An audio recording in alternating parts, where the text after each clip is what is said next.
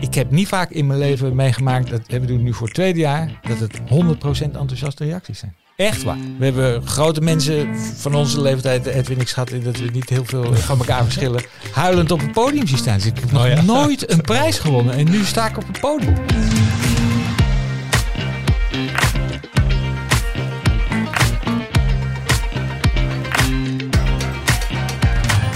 Het oranje gekleurde Giro-spektakel zit erop en de Tour is in aantocht. Heerlijk uitgezakt op de bank koers kijken.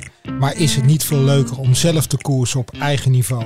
Jezelf uitdagen, je fietsvrienden en voor heel even je voelen als Mathieu, Bini of Wout.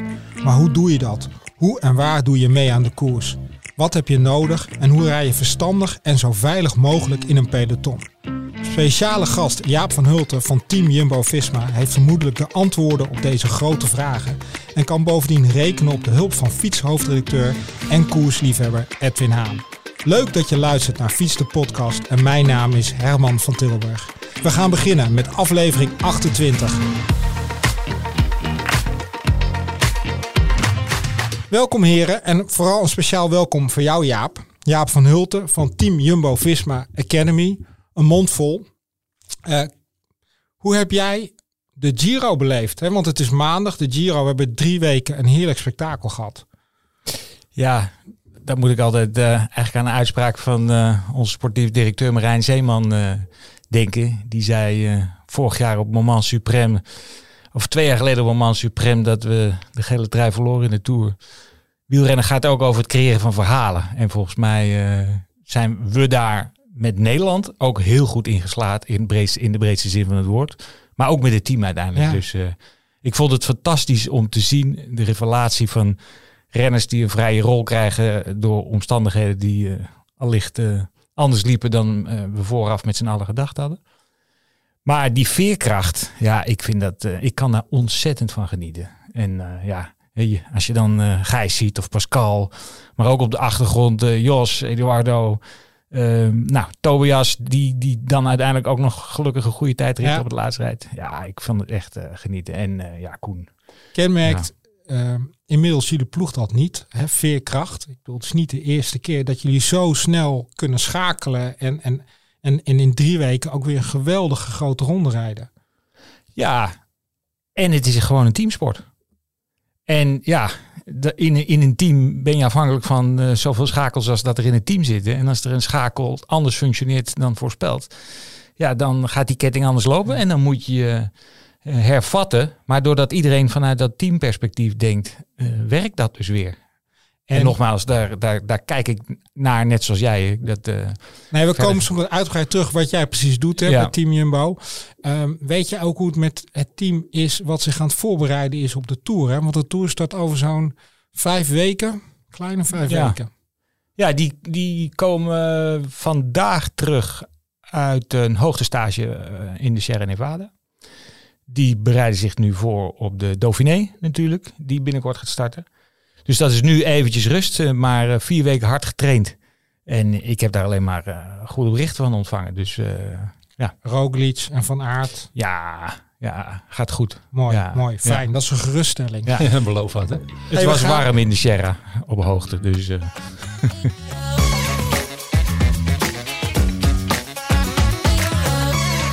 We gaan eh, even naar jou. Edwin, hoe is het eh, met jou? Eh, want je hebt weer twee prachtige, nou ja, één prachtig magazine opgeleverd. Inclusief de Grand Depart Special. Ja, zo'n jaarlijkse feestje in de zomer, hè?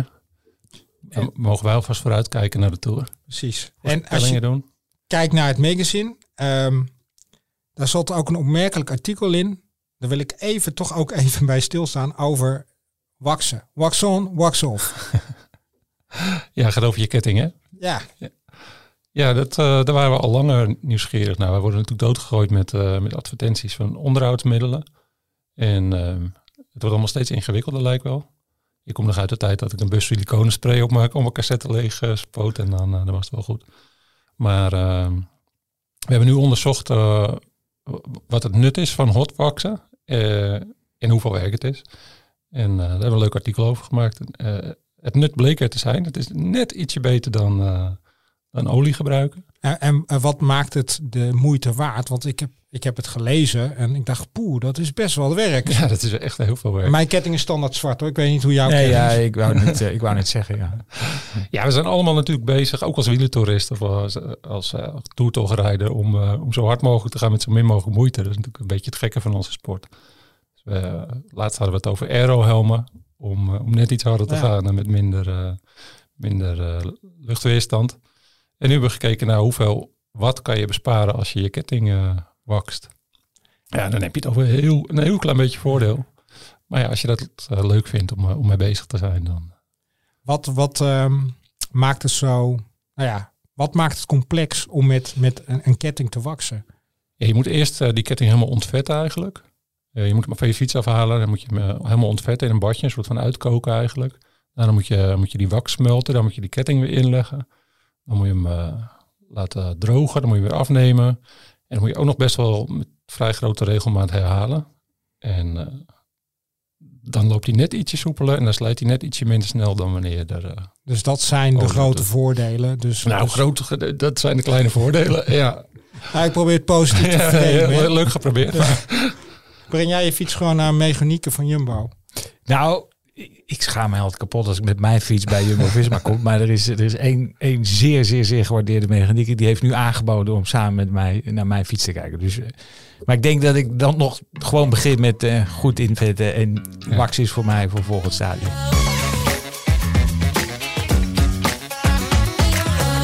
Hey, um, Jaap, kan jij de luisteraars eens vertellen wat jij precies doet bij Team Jumbo-Visma?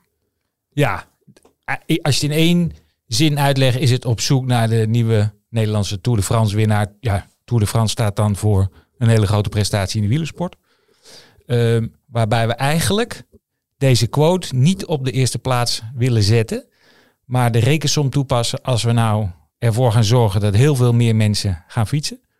In de breedste zin van het woord. Dus van tweejarigen op loopfietsjes tot 82-jarigen met uh, gewakste kettingen en dergelijke. Dan is de resultante vanzelf dat daar meer dus de, mensen... de piramide. Ja, ja, ja. Kortom, in het dagelijks we uh, werk zijn we bezig met heel veel meer mensen proberen te enthousiasmeren voor de wielersport.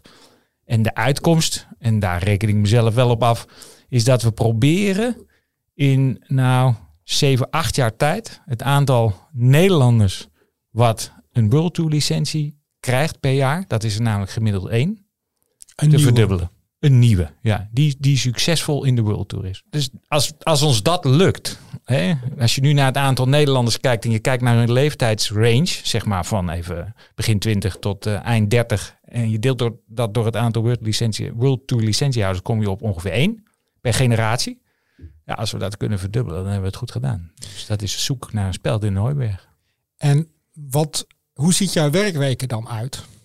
Een gemiddelde werkweek. Ja, die ziet eruit in dat ik uh, probeer de hele, heel veel initiatieven die er zijn ook met elkaar te verbinden. Ik spreek uh, heel intensief met uh, de KMU om te proberen ook met hun aandacht voor brede sportontwikkeling en dan niet alleen voor het wegrennen, nee. maar ook voor BMX en mountainbike en al die andere disciplines bij elkaar vorm te geven. Heel veel met uh, verenigingen. Er gebeuren namelijk hele gave dingen bij heel veel verenigingen. Maar die verenigingen zijn zo druk bezig met het vormgeven van al die dingen dat ze zich vaak niet realiseren hoe leuk het is wat ze doen. En als er dan nog niet echt een platform is om dat te delen, dan is dat eigenlijk zonde. Dus dat proberen we voor elkaar te krijgen. We zijn heel veel bezig ook met, uh, met bedrijven linken aan dit soort initiatieven. Hè? De Academy is wat dat betreft ook echt een publiek en een privaat ja. gefinancierd initiatief. Uh, om, om die mensen ook te uh, deelgenoten te laten maken van zo'n maatschappelijke ontwikkeling. Dus het gaat over uh, organiseren van clinics op scholen tot aan gesprekken met het ministerie van Onderwijs en Sport. om te kijken hoe de huidige financieringsregelingen lopen en, en, en of dat nog wel aansluit bij de, sport, de georganiseerde sportfinanciering en organisatie van, van vandaag. Hey, en is um, uh, jouw week geslaagd? Wanneer heb jij een, nou, een goede week gehad? Ja, ik zei net al even toen we informeel aan het praten waren. Gisteren hadden we weer een race race evenement in Zwanenburg. Trouwens ook in Groningen, maar ik was in Zwanenburg. En dan vragen we bij het begin van de instapklasse koers aan een twintigtal deelnemers. Goh, voor wie is dit eigenlijk de eerste keer dat je een wedstrijdje rijdt? En dan gaat gewoon de helft van de vingers Kijk. omhoog. En dat willen we. Ja, daar word ik gewoon. En als ik dan zie koers. dat ze zenuwachtig zijn, en dan denk ik, ja, zo voelde ik dat ook toen ik ooit aan mijn sport eh, begon. En als je dan ziet hoe ze na een uurtje koers ervan afkomen, dan, dan is het net als ze de, de bergetap hebben gewonnen, Ja, zal ik ja, maar de opluchting, Ja. de trots. Ja, op, is echt dat, ze- heel dat leuk. ze zijn gestart. Ja, En daar gaan we natuurlijk uitgebreid over hebben, over Ready to Race. Eh, we hebben altijd een aantal stellingen bij, eh, bij iedere aflevering. En ik ga jullie er vier voorleggen. En ik doe zelf ook mee. Ehm, ik begin bij de eerste. Binnen vijf jaar hebben we weer een Nederlandse toerwinnaar. Bij de mannen en bij de vrouwen. Je mag ja of nee alleen zeggen. Ja of niet heel lang Ja, antwoord. nee. Nee, dat zei je vorige keer ook. Ja of nee moet het zijn. Ja, ja. Oké. Maar Oh, nee. nee, ik zeg ja. Want het kan bij de mannen en vrouwen zijn. Hè? Ja, Oh, Natuurlijk sorry. ook En de een vrouwen. Ja, dat had ik Ja. zelf nog gezegd zelfs. Ja, nee, dan wel. Tweede stelling. Iedereen met een racefiets kan koersen. Ja. Ja. Dikke vette, ja. Ja. De- de- Zelfs zonder racefiets is gebleken, maar dat terzijde. Nou, dan ga, ga, ik ben benieuwd. Eh, de derde is deelname aan een koers is, en dan heb ik tussen haakjes, door de KNWU onnodig ingewikkeld gemaakt. Ehm, ja, dat, dat is echt een. eh, dat is te ongenuanceerd als ik daar ja op zeg en als ik daar nee op zeg. Mm. Dat, ligt, dat ligt echt genuanceerd. Maar daarom is het een hele goede stelling. Ja, het is, het is gewoon een heel complex systeem. Wa- Wat, Maar het is alleen ja of nee, hè? ja, nee, Je dan mag zeg ik straks nee. toelichten. Dan zeg ik nu nee. Ik zou volmondig ja zeggen, maar ik ben nu heel benieuwd naar uh, Ja. Ja, dat, hoe ja dat, dat is straks mooi. uit gaat Dus leggen. zulke Ja. stellingen hebben we nodig. Ik zeg ook ja. En de laatste, koersen moeten alleen op een wielenbaan plaatsvinden. Voor instapniveau absoluut. Nee. Ik ook, nee. Hey, we gaan even beginnen met die eerste stelling. Want we, waren, we hebben het natuurlijk al even gehad over de World Tour ploeg Team Jumbo-Visma. Geweldig succes in de Giro, voorbereiding op de Tour. Jij bent verantwoordelijk voor talentontwikkeling. Je zegt inderdaad nee, hè, binnen vijf jaar hebben we geen nieuwe Nederlandse toerwinnaar. We wachten natuurlijk al heel lang, hè, sinds eh, 1980. Ja. Hoe komt dat? Ja, dat vind ik heel moeilijk om daar antwoord op te geven. Kijk, als ik naar, naar de situatie nu kijk, dan is de vijver, of vooral het aantal vissen in de vijver, is, eh, is te klein. Eh, als je dan kijkt naar hoe trainingsintensiteit eh, in, de, in de jeugd- en jongere categorieën aansluit bij wat er, wat er op profniveau vandaag de dag nodig is. Ja, dan is dat een gat wat overbrugd moet worden. En dat is niet een kwestie van vandaag afspreken, jongens, we gaan vier uur per week meer trainen en dan zijn we er. Nee, dat is een, dat is een enorm proces. En dat duurt een aantal jaren. Eh, omdat je eigenlijk eerst, een, we zijn nu eigenlijk bezig een neerwaartse spiraal te proberen te stabiliseren. Namelijk het dalende aantal mensen die zich registreren als wielrenner. Eh, licentiehouders noemen we dat. Want Ja, die is al jaren aan het is- dalen. ja, ja, en, en dan, hè, dan heb Terwijl je- natuurlijk, in, als je kijkt in de breedte, is, is het fietsen, ja, dat weet je ook als geen ander Edwin, En dan is het fietsen mega populair. Ja. Ja, maar dat geldt vooral natuurlijk voor de volwassenen toch. In coronatijd zijn heel veel mensen gaan fietsen. Er zijn ook echt, dat zien we ook, jongeren en kinderen gaan fietsen. Maar dat was ook een vervanging voor de sporten die toen Ja. niet konden.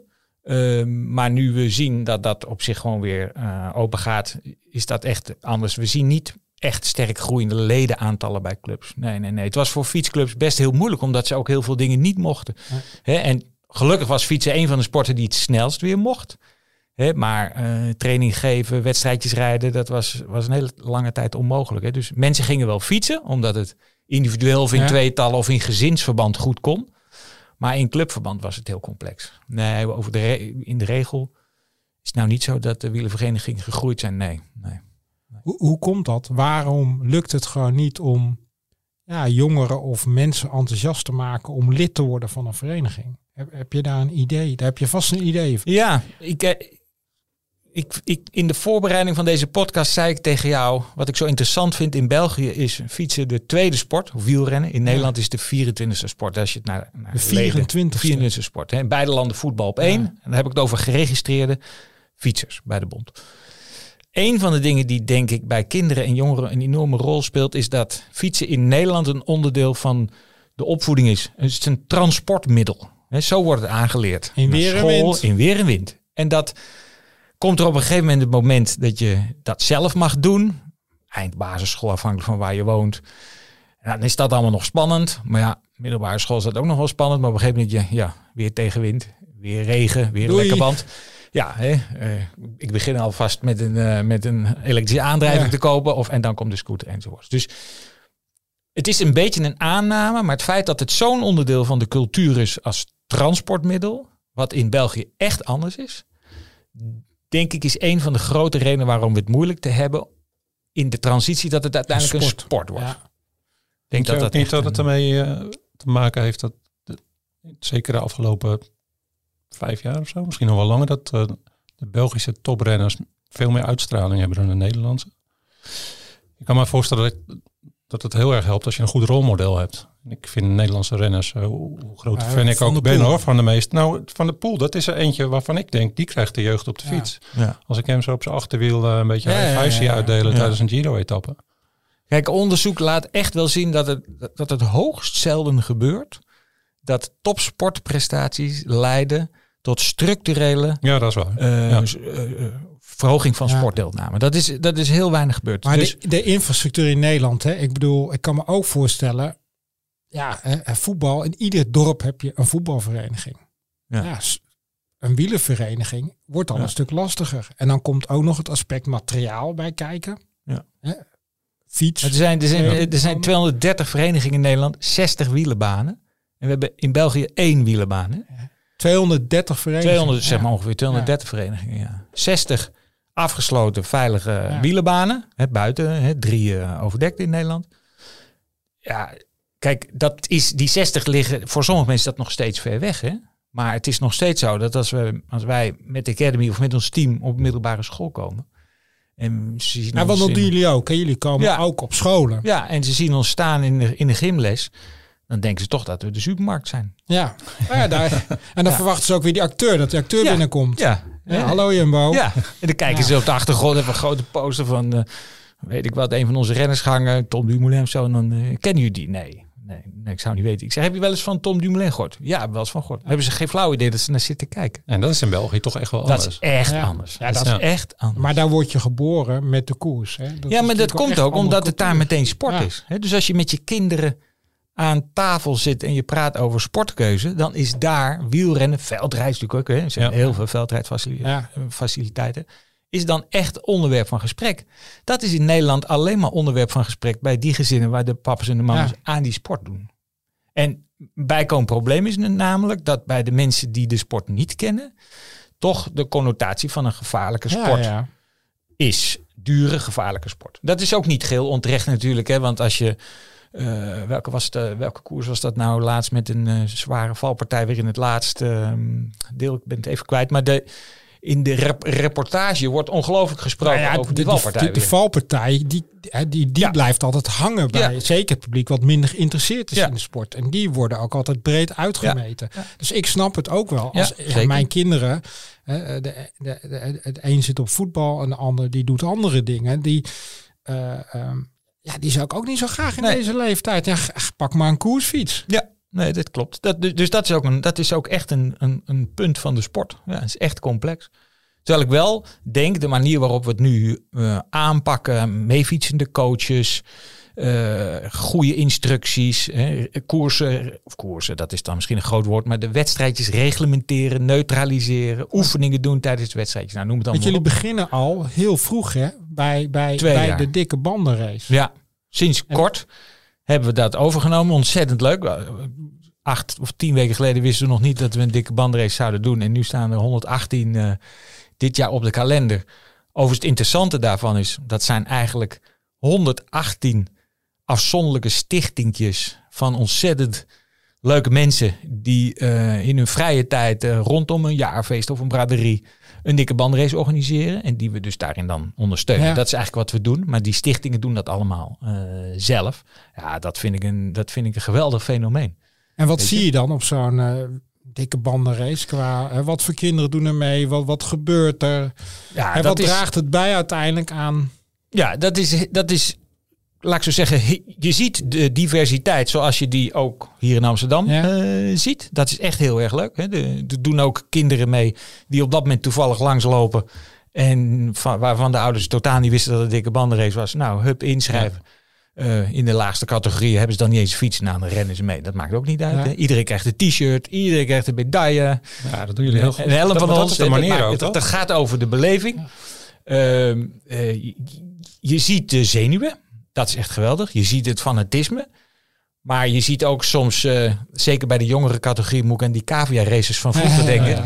Dat ze gewoon helemaal kwijt zijn waar ze Ja. naartoe moeten. Maar dat maakt ook helemaal niet uit, weet je wel. Maar uiteindelijk, ja, je ziet, je ziet ook, en die filmpjes zijn ook nog bekend van vroeger. Dat eh, de, op, op YouTube zie je nu ook nog een filmpje dat Mathieu van der Poel wint van Lennart Hofstede. Ja, hè, eh, Nou ja, je moet ergens en beginnen. al die anderen. En dat is de ideale plek. Ik, eh, ik weet niet hoe jij bent begonnen, maar ik ben zelf ook begonnen met, Ja, maar met dikke banden Ja. racen in de straat bij ons. Gewoon Ja. met, met vriendjes gingen we Tour de France spelen. Ja. Wie het snelste op mijn Een blok. kaartje tussen je spaakjes Voor het geluid. voor het geluid. ja. Hè, toen, toen wij het in het team eh, bekend maakten, ook meteen eh, David Dekker, Jos van de Emden, nou noem het allemaal op. Hè, dan oude tijden, oude Ja. herinneringen komen Ja. boven. Ja. Ja. dat zie je meteen. Dat zie je meteen. En hoe ga je dan verder? Dan, die kinderen hebben zo'n Nou, race kijk, gereden. we- we hoe zijn hoe het ga je nu- ze dan binden? Ja, dat is nog echt jong. Hè. We, hebben, we hebben dit eh, aan het begin van van dit 2 jaar- tot, el- tot en met 11, hè? Ja, wij zeggen nu 2 tot en met 10 en 11 tot en met 15 jaar hebben wij een zogenaamd Ready to Race Junior concept voor ontwikkeld op racefietsen. Dus dat is eigenlijk een dikke bandenvariant op Ja. racefietsen. Maar daar gaan we niet meteen wedstrijdjes mee rijden, want dat zou te gevaarlijk Ja. zijn. Dus dat is een soort van clinic idee. Waarbij we allerlei oefeningen over balans en behendigheid en, eh, en ook echt wel snelheid doen. Eh, maar wij geloven erin dat je vanaf die leeftijd van 11 eigenlijk naar die racefietservaring moet. Eh, hè? Nou, we, we, zijn, we, we hopen nu binnenkort eindelijk ook een eigen set racefiets te krijgen. Dat is best een uitdaging in deze tijd. Maar volgens mij hebben jullie een, Hebben ze al twee jaar geleden toch besteld. een aardig fietsenmerk consortium. Ja, dat, dat, dat, dat klopt. Maar dat is voor de doelgroep eh, toch of de ook, dure of, kant. of, of ook gewoon weer het excuus, ja, er zijn geen onderdelen. Nou ja, ja, ik heb twee jaar geleden 50 racefietsen besteld. Die hebben we onlangs afbesteld, omdat het, ja, er is gewoon geen enkel uitzet op een levering. En nu, Dat moet je nu, al bekend eh, voorkomen. Herman. Zeker, ik wacht Ja. ook al twee jaar. Ik heb hem ook afbesteld. Ja, ja. Nee, ja, dus dat. eh, maar nee, de, de- er zitten echt wel leuke dingen aan te komen. We werken samen met Decathlon. Die, die is ook echt voornemens om daar eh, goed in te stappen. Ja, dat is ontzettend leuk. Want die hebben gewoon, weet je, voor die leeftijden zijn fietsen van een paar honderd euro ook helemaal perfect. Ja, ja. Hè? Dat zou de sport juist ook heel erg helpen. Hè? Want ik Maak, vind dat maak soms het inderdaad laagdrempelig. Ja, ik vind het wel soms lastig als je bij koersen komt en de gemiddelde fiets is 3000 Ja. euro voor jongeren. Dan denk ik, oké, Waar het ongeveer standaard mee begint. Hè? dat Ik is bedoel, eh, ongelooflijk. En jullie focussen je, je, je echt helemaal op de weg. Ja, Ik zie, he- juist Ja. bij de jeugd zie ik wel Ja. eh, dat ze veel interesse in het mountainbiken hebben. ja, En er zijn natuurlijk veel ex hele goede mountainbikers die go- Ja. goed, goed zijn doorgebroken En op de weg. steeds meer mountainbike Ja. eh, parcoursen Ja, natuurlijk. Ook dat. We hopen, dit is een kwestie van nog beperkte slagkracht van de Academy. Hè? Ja. We zijn uiteindelijk in het vaste team met twee mensen en een stagiair. Eh, en dat is bij elkaar eh, nog geen twee FTE. We hebben een, een heel landelijk netwerk van regioleiders en instructeurs en dergelijke. Maar dit is een kwestie van slagkracht. Dat we nu gezegd hebben, we beginnen met eh, wielrennen. Alhoewel natuurlijk voor de dikke bandenraces dat gewoon op eigen Ja. fietsjes gaat. Ja. Hè? Dus daar zit, eh, En veel mountainbikers zitten daar ook tussen. natuurlijk. ja, dat is helemaal prima. Ja. Maar uiteindelijk hopen we ook echt eh, toe te groeien naar de, de, de mountainbike, veldrijden en dergelijke. en Ja. Dat soort dis- disciplines. Ja. maar dat, ja, we, we moeten ergens beginnen en hebben nu dit gedaan. Nee, ik vind het Eh, super knap dat jullie dat in zo'n korte tijd al hebben neergezet. Hoor. Ja, Hey, en in die Ja. categorie van ehm 11 tot en met 15. ja, Hè, de, de, de groep 7, groep 8, maar zeker ook die middelbare scholier. Ja. Dat lijkt me een ontzettend lastige Ja. groep om Ja. die te bereiken. We definiëren het eh, als onze belangrijkste doelgroep. Maar het is ook de moeilijkste doelgroep, waar je de kleinste aantallen krijgt. Ehm, dat, is, dat klopt. Maar het leuke, ehm, het leuke is dat eh, de wielersport is een sport die je bij uitstek ook op iets latere leeftijd eh, kan Nou ja, leren. kijk maar naar Prima. onze leeftijd. Ja. maar, maar, en, en, en inderdaad. Nou ja, maar kijk natuurlijk heel veel mensen die eerst andere sporten doen. En dan die stap maken naar, naar het fietsen. En wat jij nu zegt, dat zien we ook echt gebeuren. Ehm, en, en dat zijn soms ook. Ik, ik, ik generaliseer het nu heel even, maar dat zijn best vaak jongeren die al twee, drie keer een sport hebben uitgeprobeerd. Dan werkt dat niet om de een of andere reden. Ja, daar word je natuurlijk ook wat onzeker van in je sport. Dus we moeten die jongeren juist ook heel erg helpen en er naartoe gaan om uit te leggen uh, wat het is. En dan blijkt dat ze dat ze heel vaak ontzettend leuk vinden. En jullie vinden daarbij ook die maatschappelijke rol heel belangrijk. Hè? Dus als je het hebt over uh, ja, bewegen, een gezonde levensstijl. Ja. Wat zie je dan bij die, bij die doelgroep? Wat kan je dan inderdaad bij die doelgroep overbrengen? Hè, die die, die middelbare scholier. Ja, um, laat ik zo zeggen, we zijn dat eigenlijk ook echt nog aan het ontdekken. ik bedoel, de Academy is gestart in het najaar van 2019. Half jaar later uh, gingen we dicht, zal ik maar zeggen. Dus we, we starten eigenlijk nu pas net. Dus we zijn het ook echt nog aan het ontdekken. Maar wat we al wel zien, is dat de jongeren, dus dat zijn die 11 tot 15-jarigen, heel vaak verrast zijn wat het fietsen met zich meebrengt. Dat het veel, uh, veel meer behendigheid vraagt en, en, en, beheersing dan ze eigenlijk gedacht hadden. Dat het dus soms ook gewoon moeilijk is. Ja. Bochtentechniek, noem het allemaal op, dan ze eigenlijk gedacht hadden. Dat is wel heel erg leuk. En dat er dus ook heel snel er zijn een aantal verenigingen die doen dat heel goed met gemixte niveaus en dergelijke. Uh, heel snel hele leuke groepsverbandjes ontstaan waar jongeren uh, mee gaan fietsen. Ja, dat vind ik echt ontzettend leuk om te zien. Maar nogmaals, als ik het tegen onze collega's van de KNVB zou zeggen die met uh, dit soort maatschappelijke projecten voor vrouwenvoetbal bezig zijn, dan, dan zouden we uitgelachen worden. Want ja, bij ons gaat het over eenheden en enkelingen. Als wij een Ready to Race Junior evenement met tien jongeren organiseren, dan hebben we echt een goed gevoel. ja. geslaagd. Maar ja, dat is wel de context. Hè? Dus uh, ja. E, e, even terug te komen over die stelling dat uh, hoe krijgen we dat Nederlandse, die Nederlandse toerwinner binnen vijf jaar? Je liet net ook even de naam Tom Dumoulin vallen. Ik wil het toch nog even aanstippen. Uh, was, is natuurlijk een geweldig, geweldige renner. Hè. Won de Giro, werd twee keer tweede in een grote ronde.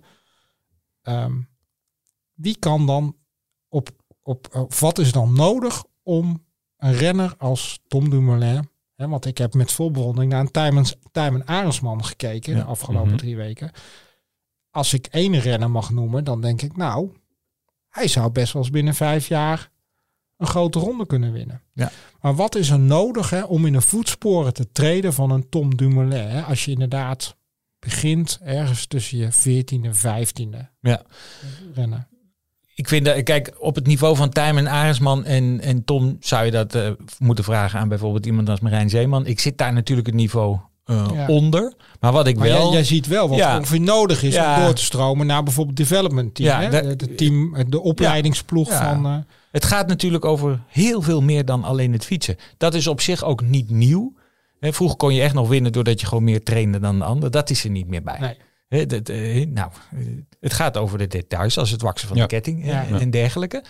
Uh, maar het feit dat die carrières langer worden, Ehm, stelt ook andere eisen aan de renners. Hè. Vroeger was het nog een uitzondering als je op je 21ste een grote wedstrijd won. We dachten toen Benal won van nou, dat is een, een, uitzondering. Maar inmiddels zien we dat het niet meer een uitzondering is. Het lijkt wel alsof 21, 22 de norm ja, wordt. Dat Is, ja, dat is, dat is, dat is moeilijk. Hè. Dus, dus en, hè, dus we hebben de beweging dat we en uh, moeten zorgen om meer mensen aan het fiets krijgen om die pool groter te maken. Vervolgens in de hoop als daar dan talenten uitkomen om daar een mooie lijn voor in Nederland te creëren. En dan hebben we ook nog de wetenschap dat die lijn op zich vandaag de dag nog achterloopt bij wat eigenlijk noodzakelijk is.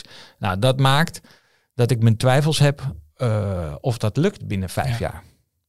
En misschien moet ik mijn eigen baan ook een beetje veilig stellen. Want ze zeggen zo over vier jaar, hey, dat had je toen gezegd in de podcast. Ja, beloofd. Uh, Weet je nog? Hey, we, gaan, uh, we gaan het hebben over Ready to Race. Want dat is natuurlijk een geweldig initiatief uh, waar jullie mee zijn begonnen. Hè, om iedereen aan de koers te krijgen. Heb je al meegedaan? Nee, maar ik ken wel genoeg jongens in mijn omgeving ja. die al wel mee hebben gedaan en ook zelfs hebben gewonnen. Oké. Okay. Uh, en die, die super enthousiast zijn. Ja. Uh, die wonen toevallig ook in het noorden van het land. Hè, dus die zijn veel in aanraking ja. gekomen met de wedstrijden op de wielerbaan in Groningen. Ja. Um, en we zeiden het al eigenlijk, we waren het alle drie volmondig eens. Iedereen met de fiets kan koersen. Ja. En zeker door middel van Ready to Race.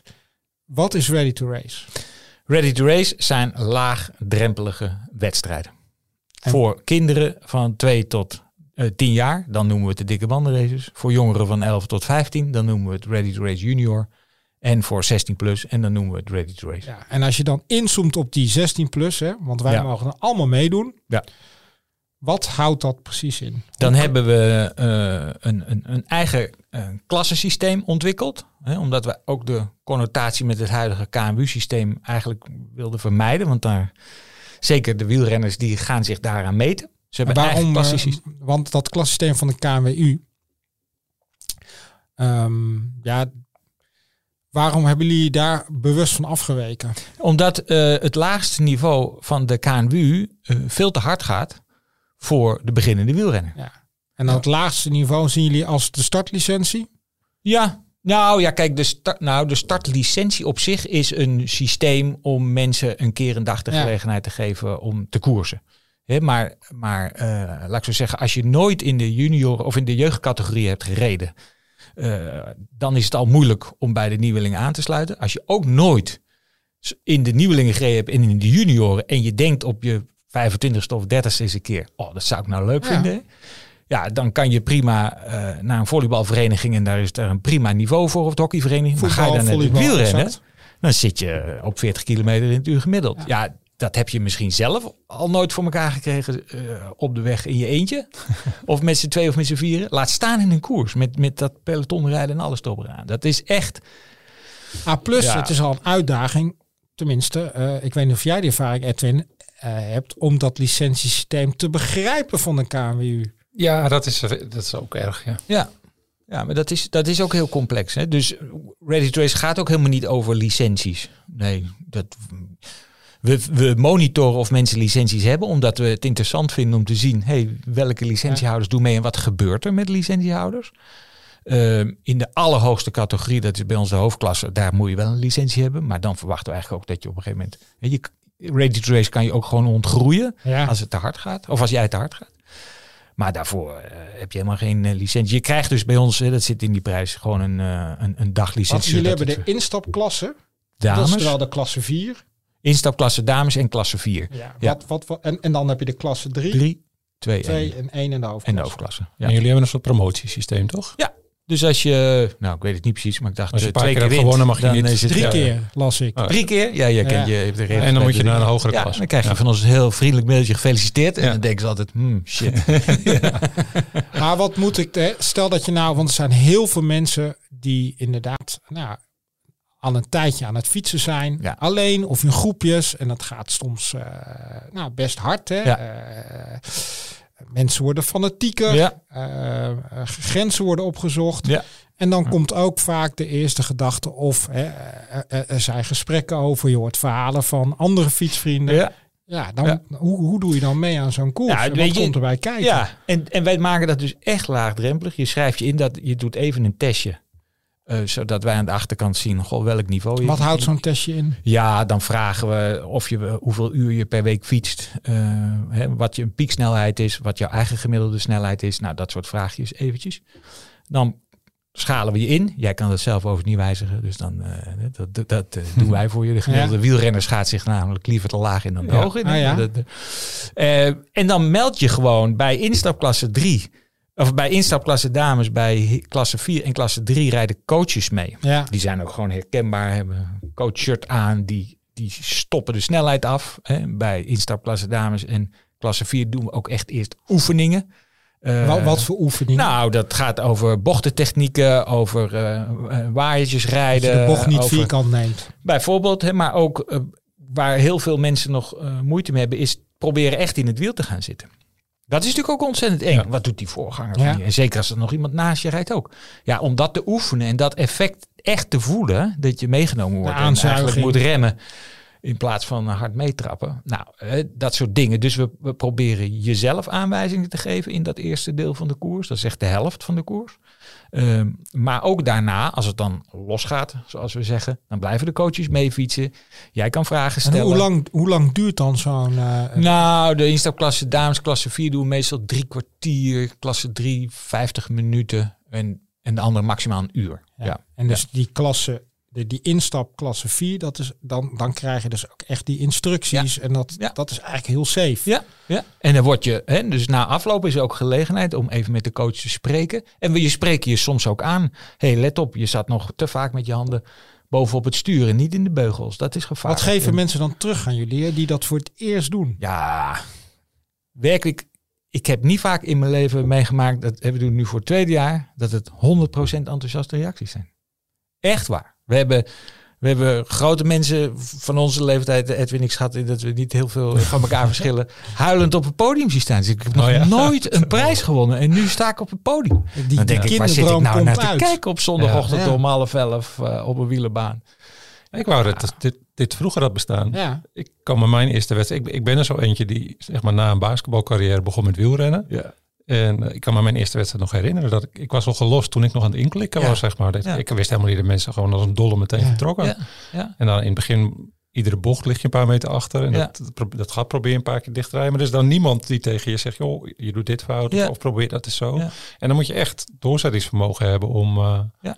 Ja. om ja precies. iedere dat, week hè. weer te gaan. Je wordt iedere week een beetje beter. Op een gegeven moment dan blijf je in het peloton. En Maar dan, dat maakt het wel ontzettend lastig, hè? Ja, om inderdaad daarom is dit eh, echt briljant. stap vanuit het niets naar een wedstrijd te maken. Ja. En ja, die drempels, ja. ja, die liggen er eigenlijk hè, Ja, enorm in die, ja. in die wielersport voor heel veel Ja. mensen. Maar jullie ook- ook met de NTFU eigenlijk? Ja, Voor steeds KNWU, ja maar zeker. Nee, nee, nee. En de, en de NTVU ondersteunt dit ook heel Ja. erg. En hun Start to Bike campagne hebben Ja, wij ook er weer ondersteund. weg. hè? Ja. Want dat, dat haakt daar natuurlijk ook op aan. Ja. En er zijn bij de NTVU heel veel mensen waarvan wij- denken, en de NTVU zelf ook, hey, dit is eigenlijk een ideaal concept voor hun. Ja. En het leuke is overigens, als ik dat nog even mag aanvullen, er zijn eigenlijk ook al heel veel verenigingen die dit soort koersen aanbieden. Maar wat we nu hopen te bereiken in de loop van de jaren met Ready to Race, is dat we er een landelijk platform van kunnen maken. Omdat we echt ook nu al mensen zien die bijvoorbeeld in Groningen wonen, maar dan eens een keer een weekend naar Amsterdam gaan en denken, jeetje, er is op Ja. zondag ook op Sloten Ja. of op Zwanenburg of eh, op, bij Ulysse is ook een koersje. Hetzelfde inschrijfsysteem. Het werkt allemaal precies hetzelfde. Als ik daar in klasse 4 zit, zit ik dat in, eh, in Amsterdam ook. Ik ga meedoen. En ja, hè, dat is een uitnodiging ook naar die verenigingen die nu al die instapkoersen hebben. Om dat ook eh, met beide handen aan te pakken. Ja. En, en wat, wat voor fietsers doen dan mee aan eh, klasse 3 of klasse 2? En, en, nou ja, hè, de, Ja, kijk, klasse 2, dat zijn, dat zijn mensen die echt eh, wel wedstrijdervaring hebben. Want anders gaat het gewoon te hard en Ja. dat staan we gewoon niet dus toe. dat hè. zijn dus dat filtert het systeem van uit. 40 plus Ja, ja, afloop. ja. Hè, kijk, ik vind het overigens in de instapklasses link om over gemiddeldes te praten. Hè. Daar wordt namelijk aan de ene kant soms ook gewoon 738 gereden. Ja. Maar voor heel veel mensen schrikt dat ook Ja, meteen ja, af. Hè? Dus, maar laat ik zo zeggen, ehm, er wordt ook door mensen 829 gereden. En dat is ook prima. Je ligt er ook niet uit als je op een Nee. ronde gereden Nee, wordt. of ze halen je niet van de baan. Nee, nee. Ja, je finisht misschien wel met een ronde minder op jouw Marleps eh, eindtijd. Hè? Want we doen het ook gewoon even officieel en met, met jury en speaker en alles is netjes geregeld. Maar het gaat ons veel meer over die beleving. En de coach blijft dus ook bij die meneer of die mevrouw mee fietsen die misschien nog even niet dat aan kan. En dat is helemaal prima. Hoe Ja. bereid je dan voor als je voor het eerst mee gaat doen? Want heel veel mensen hebben best wel gewoon A van ja, de angst van ja, Ja, hè, Ja, kan wij- ik inderdaad wel mee? Ja. Eh, angst voor de valpartijen. Ja. Ehm, heb ik wel het juiste materiaal? ja. Kijk, er is nu eh, een heel leuk YouTube filmpje verschenen van Douwe Doorduin. Douwe doet dingen. Ja. Hij legt het eigenlijk heel goed uit in 10 minuten. Eh, nogmaals, ook, ook als je gewoon naar de website van Ready to Race gaat.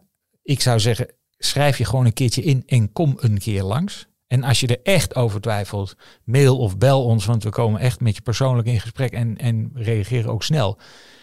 Of kom een keer langs om te kijken hoe het gaat. Hè? Maar, maar daar is voor iedereen ruimte. En makkelijker kunnen we het niet maken.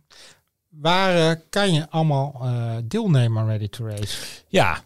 ehm, Want ik kreeg een vraag van Marielle Klein-Brinke-Peters. Die vroeg, komen jullie nog naar de Achterhoek? Ja, dat is, die vraag hoor ik vaker. Eh, kijk, vorig jaar zijn we gestart. Toen hebben we een twintigtal wedstrijden wielengek georganiseerd. gebied natuurlijk. Ja, ook, zeker. Ja.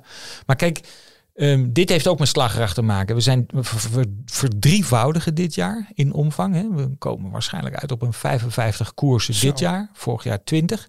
Plus dat er dit jaar ook nog die 120 dikke bandraces bij komen. En nog, uh, weet ik, iets van 10, 20 junior, Ready to Race junior events. Dus dat is in totaal een gigantische groei.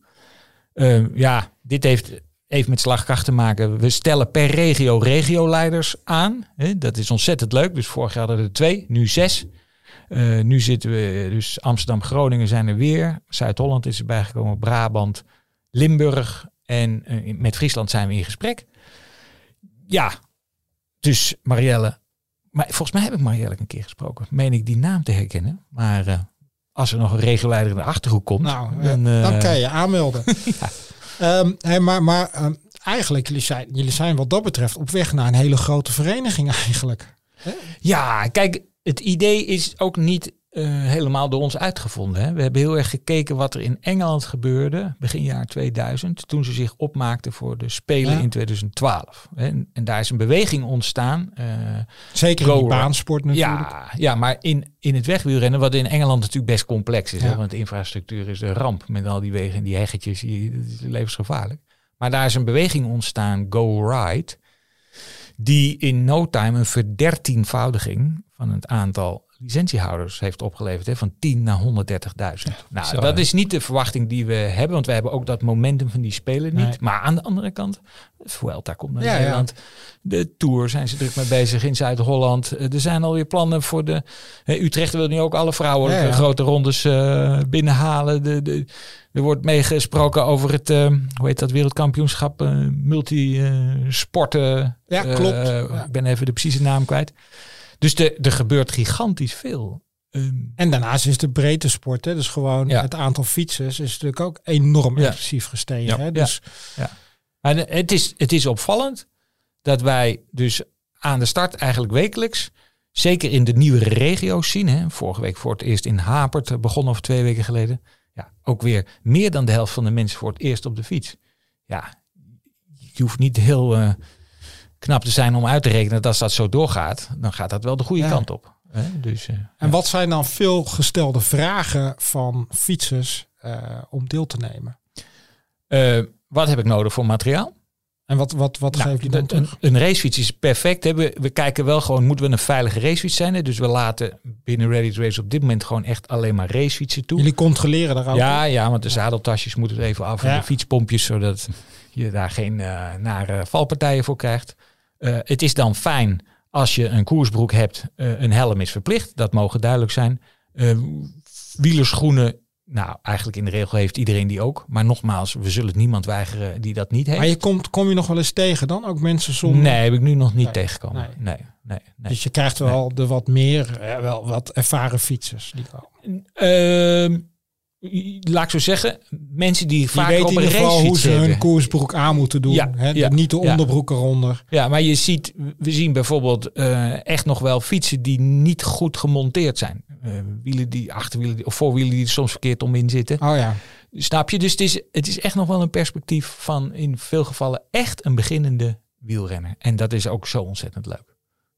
Echt heel leuk. Ja, ik kan me voorstellen dat dat inderdaad geweldig is voor als je inderdaad nooit iemand dat je heeft kunnen vertellen. Nee. Nee. En je bent ook niet bekend met de vereniging. Dat ja. dat dan eigenlijk het eerste moment is dat iemand je even kan helpen. Ja. En kan wijzen van ja, dat voer zit er verkeerd in. Ja. Of heb je dus gedacht aan dit? Of... Ja. En mensen zijn echt gewoon ontzettend nerveus. Hè? Ja, dus dat, daar moet je echt hoe ga je daarmee om? Want um, ja, nerveus, uh, angst. Uh, ja, ja, we proberen mensen ook gewoon te leren kennen. We proberen hè, in, het, in het systeem wat we hebben opgebouwd, als je ons mailt, krijg je echt persoonlijk contact. Ook door een persoon. Ja. Niet uh, met nee, vriendelijke groeten, ready ja, to race, ja. zal ik maar zeggen. Hè. Uh, we, we, spreken mensen aan voor de koers, na de koers. Hè. We lopen instructeurs rond. Die hebben, daar, uh, die hebben we daar ook echt in meegenomen. Spreken de mensen aan. Heb Werk je, je dan met de plaatselijke verenigingen samen om die... Ja, omdat we natuurlijk ook... Hè, zoals ik dan gisteren bij uh, de Bataaf was in Zwanenburg. Ja. ja. je hoopt natuurlijk dat mensen dan ook lid. Daar is het eindelijk, ja. uiteindelijk voor te doen. Voor die verenigingen. Dat ze lid worden van die verenigingen. Maar het leuke is ook, als ik dan gisteren na afloop zo'n gesprek met die vereniging heb. Dan komen we ook tot de conclusie dat die vereniging met ons zegt, verrek, daar kunnen we eigenlijk nog wel meer van maken. Ja. Wij kunnen ons ook meer presenteren op zo'n dag. Luister, dit is onze vereniging. Ja. Dit bieden we voor deze niveaus, et cetera. Dus de verenigingen zien we ook nadenken over, hey, dit is eigenlijk voor mij, maar ik kan er veel meer uithalen dan dat er nu. Dat, dat ik Is dat ook misschien wel de grootste uitdaging voor verenigingen? Zich beter presenteren, laten zien aan de regio? ja, ehm, ja, ik denk dat de beweging die we eigenlijk met z'n allen zouden moeten inslaan, is oog krijgen voor al die duizenden ongeorganiseerde fietsers. Die echt wel behoefte hebben aan een aanbod, maar allicht niet meer elke dinsdagavond om acht uur. En ja, dat zeg ik nu heel eenvoudig, Mhm. maar die transitie, ehm, dat is iets van de verenigingen, van de bond. eh, en wij denken daar heel erg graag in mee. Wij voelen ons daar ondertussen ook echt onderdeel van. Maar die transitie, de vereniging eh, anno, eh, nou, hè, in de toekomst, Ja. Daar hebben we een slag te winnen. Hè. De mensen die nu met wielrennen starten, zijn de kinderen van de papa's en de mamas die het al doen. Ja. Er is hoogzelden een nieuwe toetreder. Dus eh, daar, hebben we, daar valt een, een, een oorlog te winnen. Ja. Dat maakt het ook lastiger. En jij zei net, de- ik denk wel terecht dat uh, wielrennen op hoog niveau een teamsport is. Ja. Maar een, een heel groot deel van, je, van de toekomstige licentiehouders, als ik het niet over de echte, die jonge jeugd heb, dat zijn eh, de, de 25-plussers of zo. Die zeggen, ik, ik stop met het voetballen en ik, eh, ik wil gewoon fietsen wanneer het mij uitkomt. Maar ik wil ook wel eens een wedstrijdje rijden. Ja. Ehm, en het kan eh, heel goed bij jullie. En dat, dat kost ook eigenlijk bijna niks. Hè? Want ik ga er dan vanuit dat ze de kleding in de fiets al hebben. Ja. Dan betalen ze 7,50. Tot, eh, eh, eh, nee, dus dat, degene die alleen maar betalen zijn de 16 jaar en ouder. En daaronder Ja, is dat het is allemaal gratis. 7,50 hè, voor deel. 5 euro voor een eh, clubparcours. En als je dan, eh, een soms hebben we ook wedstrijden op de openbare weg, dat is 7,50. En dan kan je een transponder huren. Die zit erbij. Nee, die kost 2,50 extra. Ja. Ja. Huur. Want normaal kan je inderdaad een jaarabonnementen van via MyLabs. Hè, en Ja, dan, ja. nou ja, dat kost iets van Ja. 40 euro. Ja, daar, daar wou ik eigenlijk naartoe. Want dat is het lastige. Stel je dit- dat bij jullie heb je dat een paar keer gedaan. Of een seizoen gedaan. En je hebt- bent zo'n beetje gepromoveerd. En je denkt, nou dat koers is echt wat voor mij. Dan, Ja. dan moet je... Op dit moment moet je lid worden van een vereniging. Want hoe heb jij dat geregeld? Want jij rijdt ook regelmatig een tijdritwedstrijd. Ja, maar dat eh, doe ik dus nu alleen bij... eh, eh, niet door de KNWU georganiseerde wedstrijden. Want jij hebt geen licentie op dit Nee, want ik ben lid van de Tourclub in Lelystad. In Ja. Lelystad kun je geen KNWU-licentie afnemen. Dan, Ja. dan word ik door de KNWU verplicht om ook nog bij een KNWU-club lid te worden. Ja. Voor minimaal 100 euro. Ja. Er hoort vaak kleding van de vereniging bij. Eh, nou, ik, ik heb wel zo'n chip Ja. met een abonnementje. Ben je een paar tientjes aan kwijt. Ja. En als je dat zo allemaal optelt. Maar 1000 euro is niks. Nee, je dan, ben je, wel dan wordt het snel kostbaar. KNWU de startlicentie. Dat, dat is, ja, het wordt een beetje KNWU-besje. Dit wil ik ook Nee, niet. nee, je hebt natuurlijk wel de KNWU ik wilde heel graag meedoen die, aan het- Die, die is 25 euro op Ja, jaarbasis. maar ik wilde meedoen aan het districtskampioenschap. Heb ik in het verleden wel eens gedaan. Voor tijdrijden. Ja, voor tijdrijden. Ik dacht, oh leuk, ga ik dat weer eens doen. Nou, ik ben een half uur bezig geweest. Ik nog, weet nog niet welke licentie ik zou moeten nemen. dat is heel moeilijk. Ja. Maar sowieso, ik wist die licentie 120 euro Ja. of zo. En Ja. ik moest lid worden van een vereniging. Dus voor die ene wedstrijd die mij leuk zou lijken, ben Ja. je... Ja, voor, omdat het 300 een euro districtskampioenschap. Maar Ja. dat, als je daar ook op gaat zoeken, en ik denk dat daar ook wel echt een slag is te maken voor de KMU, maakt het een stuk makkelijker. Hè? Eh, je moet wijs worden in het soorten licenties. Eh, Dan inderdaad, ja, moet ik nou bij een vereniging? Welke wedstrijd wel, welke wedstrijd mag ik niet meedoen? Ja, het is gewoon een lastige keuze. hè. Eh, en je moet best je best doen om erachter te komen dat je inderdaad ook gewoon via de KMU een startlicentie Ja. kan aanschaffen. Die Eh, overigens heel sterk in prijs verlaagd is. Hè? Ja, klopt. Die is nu 25 euro, gelukkig. Ja. Ja, Dus dat en is op dagbasis maar naar 2 euro. Hè? Ja. En dat, dat is echt, de KNWU maakt echt wel hele goede Ja, stappen daarin. Kijk, de complexiteit zit hem er ook in. En daarom reageerde ik daar natuurlijk in de stellingen Mhm. net even anders op. Het is ook echt een risicosport. En ehm, laat ik zo zeggen, misschien een beetje spannende opmerking, maar de, de, heel veel van de fietsers dragen ook bij aan het creëren van het risico. Ja. Ja. En ehm, het is altijd heel makkelijk om dat af te schuiven op de KMU. En nogmaals, de KMU zal de eerste zijn die zal zeggen, ja, er kunnen processen beter ingericht worden. Maar de KMU is ook een bond die, die 230 verenigingen vertegenwoordigt Ja. en dergelijke. Die verenigingen doen ook ongelooflijk hun best. Zeker. En dat gehele vehikel leidt tot de situatie die er nu is. Dat zou de KMU heel graag willen veranderen. En de verenigingen zouden het heel graag veranderd zien worden. Dat is ondertussen ook een olietanker die je van richting moet veranderen. En dat gaat heel erg moeilijk. Ja, het is ook heel lastig, want mensen willen Ja. natuurlijk individueel kunnen inschrijven eigenlijk. Ja. bij een evenement dat wordt georganiseerd door een vereniging waar ze niet Ja. lid van willen worden waar, en waar ze ook niet voor willen betalen, ben ik er dan kennelijk ook een van. Ja. Dan gaat En gewoon ik, niet ik samen. snap de verenigingen die zeggen van, ja hoor eens, de licentiekosten stijgen. Eh, maar wat krijgen we er nou eigenlijk voor terug? Ja. Ehm, en ik snap ook dat het niet van vandaag op morgen te, te veranderen is. Wat ik heel leuk vind, is dat de KMU heel erg meebeweegt. Hè? Want de wedstrijden van Ready to Race vinden plaats onder auspiciën Ja. van de KMU. Mhm. Hè? Dus het Ja. is niet een soort van grimmig circuit, anarchistisch circuit. Nee, nee, nee. Hè, we doen dat samen met elkaar. Eh, en daarin heeft de KMU ook nu echt gezegd: luister, voor die startende wielrenner, die heeft al genoeg aan eh, eh, besluitvorming. Ik ga het een keer doen. En dan moet je niet eh, in beslag genomen worden door allerlei hele complexe dingen. Dat het voor jou dan, Edwin, complex is, maar dat snap ik ook ontzettend. Hè. En, en de KMU snapt dat ook ontzettend. Ja. Overigens zou het interessant zijn, daar zou ik hier graag voor willen pleiten, als we met elkaar daar eens even boven gaan hangen, denken waarom hebben we in Nederland het eigenlijk zo georganiseerd met en de KMU en de NTVU. Ja, Ja. dat is natuurlijk Hè? bizar. Hoe, hoe ja. bizar is dat? Waarom hebben we niet één federatie die Ja. de belangen van fietsers Ja. behartigt? Van infrastructuur in steden, Nou ja, fietsen in de breedste zin van het woord. Hè? juist, tot aan wereldkampioenschappen. Ja. ja, want we hebben natuurlijk de Fietsersbond dan ook nog. De ENFB, Ja. de NWB, Ja, ja. in Friesland hebben ze nog een eigen Ja, club. Ja.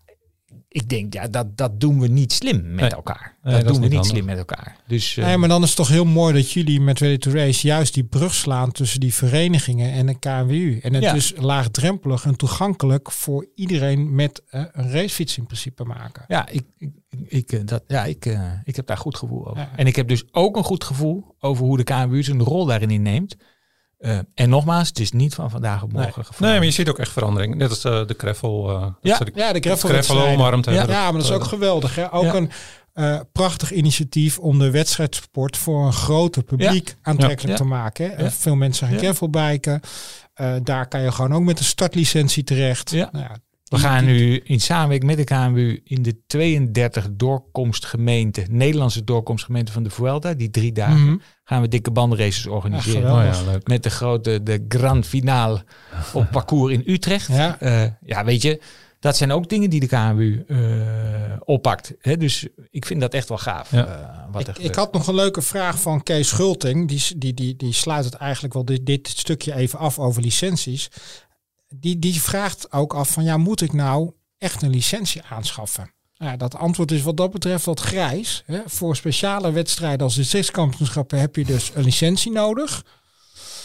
Eh, maar voor de meeste wedstrijden kan je met een startlicentie aan de gang. Ja. De KMU of inderdaad zonder licentie, want dan is die hè, bij Ready ready, to to race, race. ja. Dan wordt Met een daglicentie. Ja.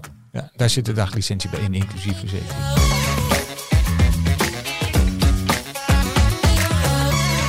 Hoe koers je nou verstandig en zo veilig mogelijk in een peloton? Want eh, daar hebben we veel vragen en, en dat is ook wat mensen vaak weerhoudt om te gaan, eh, te gaan fietsen Ja. eh, in een peloton of mee Ja. te doen aan een wedstrijd. Hè? Bij Jan Peters vroeg ook van hoe kan ik nou met die angst voor valpartijen omgaan? Ja.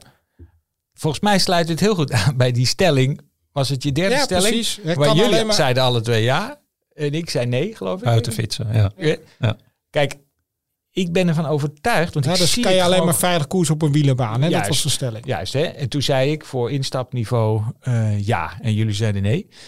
Kijk, ik zie gewoon gebeuren met mijn collega's wat, wat de toegevoegde waarde van koers in een peloton is. Hoe nieuw dat is. Ja. Als je dan bedenkt dat je op de openbare weg met straatmeubilair te maken hebt, met andere weggebruikers en dergelijke. Ook al doe je het op zondagochtend, wat natuurlijk, dan is heel Nederland vol met Mhm. eh, fietsengroepjes. Ik had van het weekend heb ik eh, een rondje gefietst rondom Renen. Zaterdag hemelvaartsweekend. Ja. Dat doe je eigenlijk bijna niet meer voor je lol. Nee, dat moet je ook niet doen. Nee. Nee, maar snap je, dat is waarom ik er zo stellig van overtuigd ben. Het is, ehm, het voelt toch een, als een soort van eh, bewijs, een moreel bewijs voor jezelf halen dat je dat kan. En daarvoor heb je echt een hoop keren wedstrijdjes ervaring nodig. En doe dat dan gewoon op een wielenparcours. Wat helemaal afgezet is, waar nooit een vluchtheuvel staat, waar nooit een stoplicht eh, op groen eh, Ja, of op rood springt. Wij komen toevallig allebei uit Flevoland, dus wij kennen de wedstrijden kennen in, gewoon- ja. in- op Urk en in, eh, in de Ronde. En daar, daar heb je Ja, je hebt natuurlijk daar de zomeravond en de voorjaarscompetitie. Ja. Ja. Hè, Dat zijn natuurlijk gewoon redelijk Ja. recht toe recht aan. Ja, dat is eigenlijk een soort circuit. Ja, Ja. nee, duidelijk. Ja, dat maar ik Maar ik was snap wat je eh, bedoelt. drie weken Ja. geleden in Zuid-Limburg op Ja, daar zaterdag. wil je niet. nee. Daar hadden we met de cyclingklas een heel trainingsweekend. Ja, dan zoeken we maar een parcoursje rondom het vliegveld. Want dan, daar is het niet zo druk, weet je. Ja. Ja. Dus, dus vandaar dat ik een pleidooi eh, zou willen voeren voor het, het intensiveren van die wedstrijdjes op die parcoursen. Ja. Hè, want die parcoursen zijn ook heel divers. Hè. Fiets je hier op sloot, dat is een compleet ander parcours. Daar hoef je niet te remmen in de bochten Nee, dan dat je eh, op Ulysses eh, zit of op Zwanenburg waar je eh, in de beugels moet. en, en wat gebeurt er dan als je in een Groningen is ook een heel laagdrempelig Is ook, daar kan je ook gewoon eh, vol in de Ja, bocht. eh, Ik heb wel eens een NK journalist eh, bij Swift gereden. Hebben ze Ja. daar nog steeds die kuipbocht? in Groningen bedoel je? Nee, in eh Leiden is dat. Leiden Swift. Swift, ja, ja, ja, daar langs de snelweg. Ja. Ja, ja, ja die zitten nog steeds Maar dat in. is ja, grappig. Ja, ja, ja, ja, ja. Maar dus die parcoursen verschillen heel erg. Hè? Met het topparcours dan, eh, Tom Dumoulin Bike Park Ja. in, eh in Sittard. Waar je, ja. En om te ervaren wat dat met je doet, als er gewoon een klimmetje in zit, hè, eh, hier in Sloot, of het zit er niet in. eh, of rechte bochten, zoals we dat dan eh, noemen, of echte bochten. Ja, om dat te leren, ga dat nou eerst eens leren. En als je dat onder de knie hebt, hè, ga dan eens koersen. Ik, ik denk dat als dat lukt met elkaar om die verschuiving eh, teweeg te brengen, dat we ook gewoon een veiliger landschap in Nederland zien op eh, de zondagochtenden en, en dergelijke. En misschien een leuke primeur kan ik al wel vast aankondigen, aankondigen aan volgend jaar rond deze tijd het Nederlands kampioenschap fiets-app-groepjes organiseren als onderdeel van Ready to Race. Hè. Ik weet niet of jij in een appgroepje Zeker. zit. Nou, hè, dan, Zelfs meerdere. nou, dat Qua bedoel fietsen, ik. hè? Ja, ja, en in die appgroepjes gaat het waarschijnlijk of over eh, slappe humor of over eh, half acht bij de Tijd of inderdaad eh, individuele prestaties. Ja. Nou, wij willen, ja. en, en wij willen eigenlijk grip krijgen op die beweging, fiets-appgroepjes. Dus wij, wij gaan het Nederlands kampioenschap fiets-appgroepjes organiseren. Dus wij hebben hier de primeur. Ja, want dat is de, daar, de, de, de, de winnaar van een quiz die nog ontwikkeld gaat worden rondom die fiets-appgroepjes. Die krijgt echt een waanzinnig. Die gaat zich eventjes in het leven van een prof wanen. Meer informatie volgt. Maar eh, wij zijn er eigenlijk van overtuigd dat, we, dat er honderden, zo niet duizenden fiets-appgroepjes in Nederland zijn. En eh, dagen die uit om eh, Oh, wat grappig. Maar eens de krachten te meten bij Ready to Race. Ja, ik ben heel benieuwd, want die zijn natuurlijk heel veel. En inderdaad, Ja. in heel veel van die groepjes zitten ook heel veel fietsers die graag een keer Ja. eh, willen ervaren hoe het is om te koersen. Ja. Ja, ik vind het wel heel grappig. Wij, eh, mijn woensdagavondgroepje, we hebben eigenlijk drie groepen. Ik rijd meestal met groepje drie mee. Dat zijn dan de, de voor ons doen snelle mannen. Ja. Wij komen wel eens met 39 gemiddeld thuis. Ja. En het is een soort van koers op de openbare weg. En toch, van de tien is er, zijn er maar twee die koersen en de rest Ja. niet. Ja, en, die en het is vaak zie je toch bij een soort ons ook, schroom. Dat ik eh, denk, wacht, groepen. waarom, als je het nou zo leuk vindt om Ja. zo hard te rijden en te kijken of je beter bent dan een ander, waarom ga je dan niet eens een wedstrijd Ja. rijden? Ah, Ja, dat wij maakt het wielrennen ook best een lastige sport. Hè? Dat is ook Ja. gewoon, eh, het, het, het is, het is een pittige sport. En als je niet gewend bent en je moet gelijk met straight out the gun, 40, 45. eh, man. eh, Ja, ja. Maar dat maakt het ook mooi. Ik kan me ook voorstellen, mensen die het ook ervaren, hè, die ook terugkomen van een eerste wedstrijdje, dat die zich zo blij voelen als een kind. Want ze hebben toch ook zichzelf overwonnen. ja. Ja, Ja. we hadden vorig jaar, eh, vor- vorige week hadden we een nieuwe mee. En toen hadden we 39 nog wat gemiddeld. En dan stoppen we altijd eh, als, bij de rand van Lelystad als we de stad weer ingaan. En je ziet gewoon die ogen, de, ja. dat straalt en de adrenaline spuit er bijna nog uit. Mensen Ja. vinden het gewoon kicken Ja, om dat- het buiten te houden. Maar dat Ja. vind ik ook wel heel mooi aan, aan cyclo's. Hè. Dus eh, die- bijvoorbeeld, ik heb afgelopen, of vorige week in Duitsland, in Keulen, de Ronde van Keulen. Hè, dat is een serieuze cyclo. Mhm. Volledig afgesloten parcours. ja. Praat je over 125 Ja. kilometer afgesloten. Vanuit Keulen, dan is het ook gelijk hè, eh, startschot gaat en het is ook gelijk volle bak. Ja. En in Duitsland is dat wel echt geweldig dat ze zoveel vrijwilligers op de been krijgen die, die, die inderdaad als seingever er staan op, op, op lastige punten. Inderdaad, eh, je, je attenderen dat er een bocht aankomt. eh. en natuurlijk eh, moet je dan ook kunnen koersen in een peloton. Maar doordat je inderdaad op een lang parcours en alles afgesloten Ja. is, vind ik dat ook vaak een geweldige Ja. kennismaking voor, voor, voor veel fietsers. Ja. Hè, proef eens een keer aan het meedoen van een wedstrijd. Dat kan ook heel goed in een cyclo. We hebben natuurlijk straks in juli in Nederland weer een cyclo in Rotterdam. Ik weet niet of daar nog kaarten voor zijn, maar ook dat parcours is straks volledig afgesloten. ja. Het wordt natuurlijk in Nederland, hè, we hebben de wielerbanen. En gelukkig zijn dat er best wel wat. Uh, alleen het wordt in Nederland ook steeds lastiger voor verenigingen. Ja. Om überhaupt een koersje nog te kunnen organiseren. Ja. ja. En volgens mij moeten we dat dus ook gewoon onderkennen. Ja. En uh, ik, ik denk dat er uh, van tijd tot tijd best hele leuke, gave koers georganiseerd worden. Hè? Dat, uh, dat, wat hadden we drie weken geleden omloop der Kempen, ja. om maar een voorbeeld te geven. en zo zijn er heel veel meer. Um, maar tegelijkertijd denk ik ook zonde als we die wielenbanen niet gebruiken, ja. zeker voor dat instapniveau. Die staan heel veel uren leeg. Ja, en dan denk ik ook soms die wedstrijden die wel worden georganiseerd in Nederland gebruiken een deel van Ja. het parcours en zet die ook open. Ja.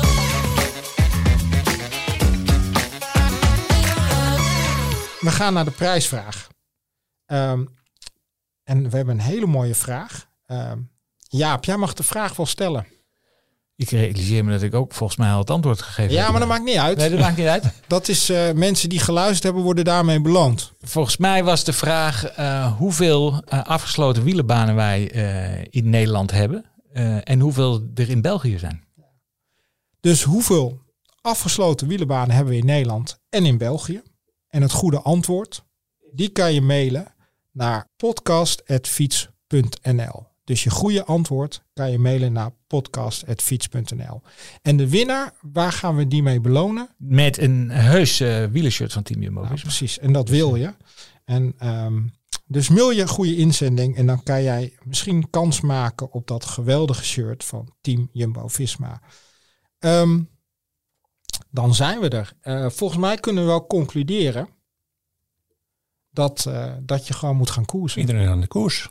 Ja, ja. En, dan, en, en vooral ook eh, de hele familie meenemen. Want dat, hè, dat hebben we misschien nog niet echt besproken, maar het is ook gewoon echt gezellig bij Ready to Ja. Race. Kinderen staan langs de kant, eh, papa's, mama's aanmoedigen. eh, ik zie opa's langs de kant en oma's. Het is gewoon echt heel gezellig. Ja, want Ja. hoeveel races staan er nu nog op de planning? Het is natuurlijk nu ik denk- bijna juni. Ja, de, de kalender hè, vormt zich ook nog wel, maar volgens mij, we hebben er nu 19 gehad. En we komen waarschijnlijk zo rond de 55 uit. Hè, dus eh, zeg nog maar een, eh, een 35 koersen. Ja. Hey, waar kan je alle informatie vinden en je aanmelden? Op de website van Ready to Race.